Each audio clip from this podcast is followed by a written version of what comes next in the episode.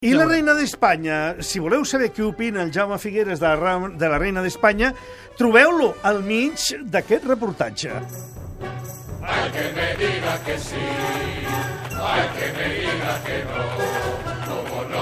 Finestrés, 18 anys després, arriba la segona part d'una de les pel·lícules espanyoles més emblemàtiques. Sabe que viene la niña, ¿no? Ella es la reina, ¿quién si no? Señor Fontiveros, el señor Berman y el señor Spiegelman se preguntan si usted estaría dispuesto para dirigir la segunda unidad. A saber qué poderío tienen estos americanos.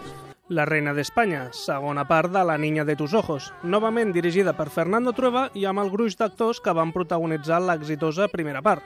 Expectació màxima, doncs, i la crítica amb els ullals ben esmolats. L'opinió de la crítica. cantando con el lucero. La primera, pero para ser una secuela, la verdad que, que mantiene el nivel y bastante alto. Una pel·lícula estranya, mal muntada, mal explicada, però amb alguna cosa especial. Certa emoció, suposo que relacionada amb això del cine. Doncs igual de cartropedra que, que els escenaris que surten allà pel darrere. Bueno, m'ha semblat correcteta, però molt fluixeta, així, sense matar. Sí, es pot veure bé, però tampoc aporta res més del que ja sabíem de la primera pel·lícula. Normal, dentro de la filmografía de pruebas normal, quiero decir normal en el sentido que no la destacaría, tampoco la pondría.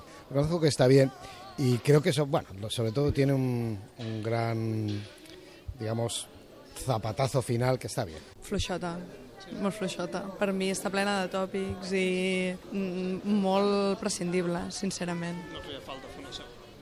Que va, que va.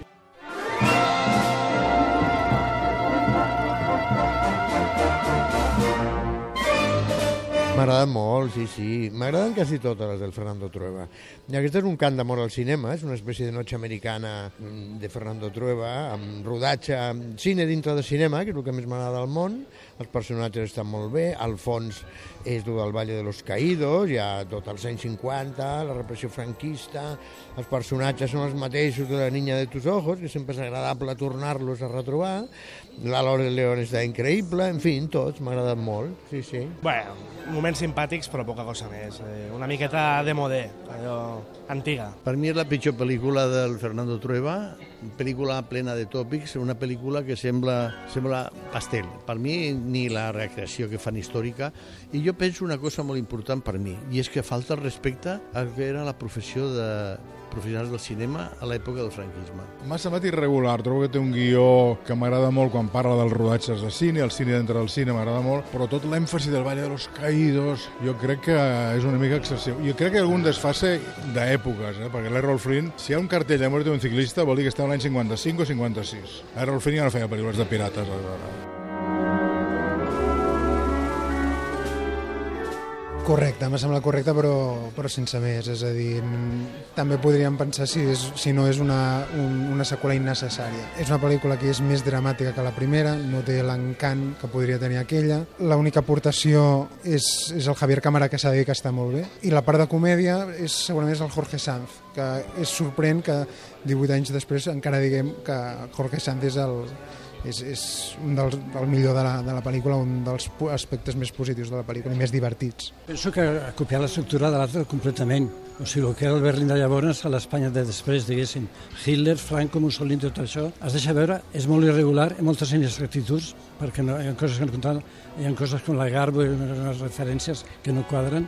Ara hi ha coses, per exemple, lo de la pradera sin ley de Kim Vidor, està ben buscat. El Franco no està malament del tot. No és la primera, però bueno, es deixa veure. Doncs a mi m'ha agradat, entre altres coses, perquè per començar penso que és un tipus de pel·lícula que ja no es fa. I això penso que sempre és, eh, és maco, no?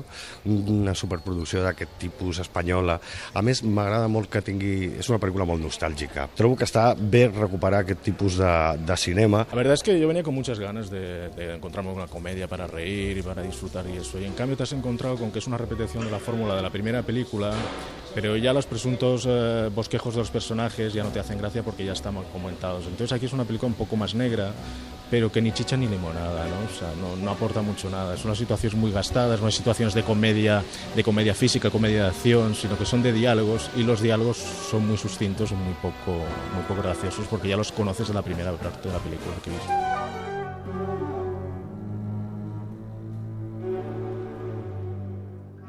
Penélope Cruz, Antonio Resines, Neus Asensi, Javier Cámara, Cari Elwes, Mandy Patinkin, Loles León, Carlos Areces, Jorge Sanz, Rosa María Sardà, Santiago Segura, actors per donar i per vendre. Amb quin us quedeu? Una aparición de Carlos Ares eh, como generalísimo, que la verdad que le da un toque, toque cómico muy bueno. Molt forçats, jo crec que és que el guió per mi és molt dolent. Les situacions i tot, mm, no sé, no sé d'on les treuen. Veig que t'ha agradat, eh? Sí, molt. Els actors correctes amb la seva línia perquè ja els coneixem i ens donen el que esperem d'ells. No? Des del Bonilla, la Sardà, el, el Resines i, i la Penélope Cruz en, corre, en, en conjunt els he trobat molt correctes. Me ha gustado Jorge Sanz porque creo que tiene una gracia especial y, y que saca algunos de los no excesivos momentos graciosos. Yo creía que iba a ser un poquito más graciosa. Els actors molt bé, m'agrada tornar-los a veure tots junts, però, home... M'he divertit amb el Jorge Sanz, això sí. I després els americans em sembla que són super caricatura. Molt desaprofitat. El- l'element americà molt desaprofitat, sí, sí. I per mi la Penélope està com sempre. Per mi és una actriu normal, ni bona ni dolenta, normal, no diré mediocre. Carlos Areces ja que és el Franco para, para los restos de, de su vida i realment està, està molt convincent. Però els actors americans estan molt desaprofitats, sobretot el Mandy Patinkin. potser dels més divertits, el Jorge Sanz, potser és dels, dels que potser més d'això, i la sorpresa del Chino Darín, que realment tampoc no, no el tenia massa vist i, i, i bueno, crec que, que d'això... A mi la Sardà m'agrada sempre, faci el que faci, diguéssim. I l'Alois León no és la Telma Ritter de, de, de tota la vida, però volia fer una cosa per l'estil, diguéssim, no? No està malament, no està malament. Penélope Cruz brilla, sempre brilla. Aquesta dona sempre brilla, la càmera se l'estima, l'adora i es nota.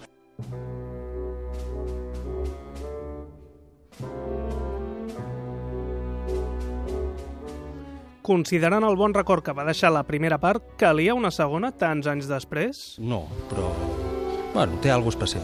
Jo crec que completament injustificada, o sigui, volen ficar un munt de coses, que si nazisme, macartisme i tal, però sense peu ni caps ni res. Per veure el que hem vist, no. Pràcticament hem vist la mateixa pel·lícula, quasi amb les mateixes trames, els mateixos tipus d'humor i personatges, o sigui que tampoc ens ha portat absolutament res de nou. No, no, ahora, viéndola, evidentemente creo que no hacía falta una segunda parte. No, no es comparable con la primera.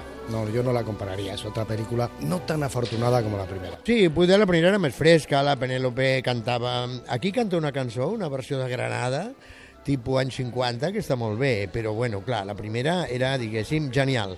I aquesta, pues, no arriba a la genialitat d'aquella, però també està molt bé. Crec que és millor la primera. Teni, la troba, trobo que tenia més ganxo, més història. Aquí no deixa de ser una excusa per, per tornar a fer alguna amb pressupost. Sí que fa gràcia veure el, el Trueba fent alguna més, amb més pressupost, més empaque, però no acaba de, de fer el clic. De tus ojos era molt millor. Tenia, a veure, això és una comèdia que també intenta tocar el drama, però que no és ni drama ni comèdia. En canvi, La niña de sus ojos era una comèdia i a la vegada era una mirada molt crítica amb el moment històric que es vivia a a Alemanya en aquells moments. Però és que aquí tampoc hi ha una mirada crítica. A mi, tota aquesta història del el Valle de los Caídos i del cinema i del teatre, a mi me xirria molt, jo ho sento, però penso que és la pitjor pel·lícula de Fernando Trueba i lo torno a dir. No està mal que l'hagin fet, totes maneres la primera era molt més, molt més rodona i ella es lluïa molt més que aquesta. Tots, jo crec que tots els actors estaven molt millor a la primera que aquesta. Potser la primera la recordo eh, més esbojarrada, no? Potser tenia aquest toc més, més passat de, una mica més passat. Aquí tot és, és com més, més, més mesurat, no? Inclús fins i tot en alguns moments com, li, com si li faltés cert ritme, no? No, en realidad no. Lo que pasa que, bueno, ya se sabe si la primera funcionó bien, siempre hace gracia. Y supongo que es la típica película esta, es de que eso, ese tópico que se suele decir en el cine, de que se, te lo pasas mejor rodándola que viéndola. Y entonces es una película probablemente con todas estas dicotomías, es muy graciosa de rodar, pero a lo mejor no hace tanta gracia de viéndola.